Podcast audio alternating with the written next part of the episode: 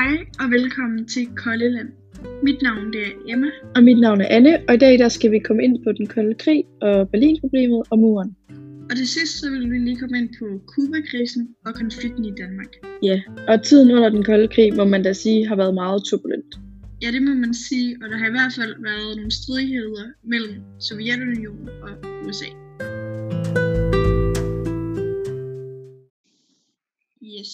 Skal vi, øh, skal vi ikke se lidt generelt på den kolde krig? Jo, det synes jeg. Altså, øh, ser vi generelt set på den kolde krig, så har det jo aldrig været decideret direkte krig mellem Sovjetunionen og USA. Altså, de har haft de stridigheder og kontroverser gennem flere år, men det har jo egentlig aldrig ført til mere. Nej, og et centralt spørgsmål under den kolde krig har jo altid været, hvem havde ansvaret? Var det Sovjetunionen? Eller var det USA? Det er der mange uenigheder om. Ja, og, øhm, og nu vil vi gå lidt mere i dybden øh, med de to Tysklande, hvor vi ser, hvordan Øst- og Vest-Tyskland de udviklede sig forskelligt i tiden efter 2. verdenskrig. Godt. Hvis vi lige ser på Vesttyskland, det var jo dem, der havde de bedste omstændigheder i forhold til Østtyskland. Vesttyskland de fik hurtigt gang i den tyske økonomi, og de havde mange ressourcer til befolkningen, da de ligesom modtog den her Marshallhjælp.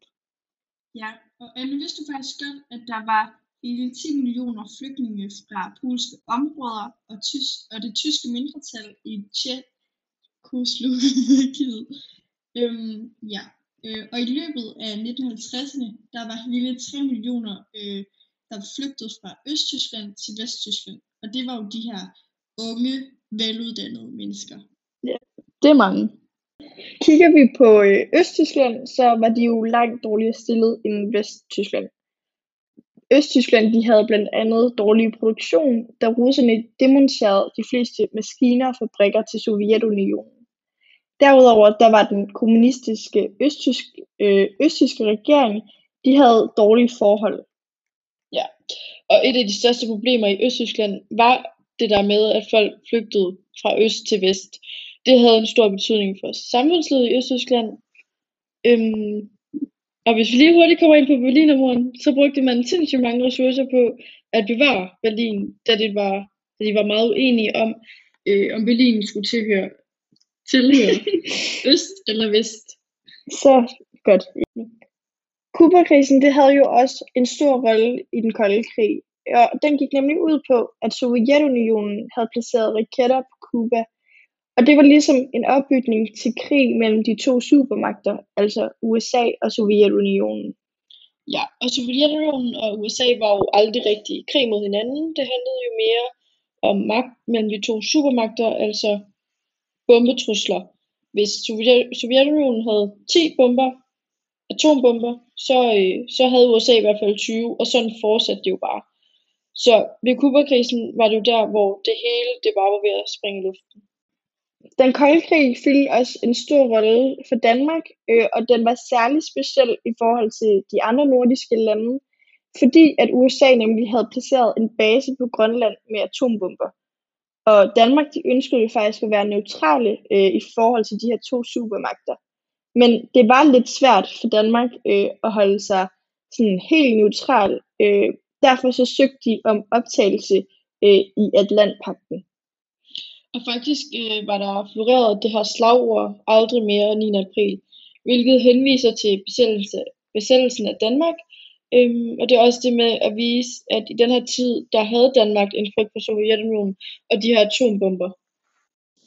Det man gjorde i Danmark for ligesom at beskytte mod de her atombomber og forberede sig til atomkrig, det var, at man uddelte en pjece øh, til hver husstand, og den her pjæse, den advarede øh, den danske befolkning om atombomben, og sådan, hvilken virkning den havde. Øhm, ja, og formålet med den her pjæse, det var at øh, altså sætte den danske befolkning ind i, hvad, sådan, hvad det var, man skulle gøre, hvordan man skulle håndtere en atomkrig. Øhm, og blandt andet, der øh, advarede Den tager vi lige igen. Blandt andet fortalte man om beskyttelsesrum og evakuering af byer. Nå, ja, hold da op, Emma, hva? Så er der været en periode. Ja, det må man sige, øh, og vi må da sige, at vi er da glade for, at det ikke førte til mere, fordi at så havde vi jo nok ikke været her i dag, øh, for det kunne jo have gået virkelig galt.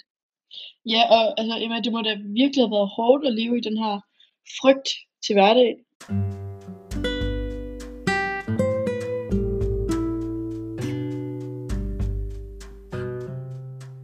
Det var simpelthen alt for dagens afsnit. Øhm, vi ses igen næste uge til et nyt episode af Koldeland, øh, og det er jo selvfølgelig mellem kl. 12.30 til halv 1. Det var alt for denne gang.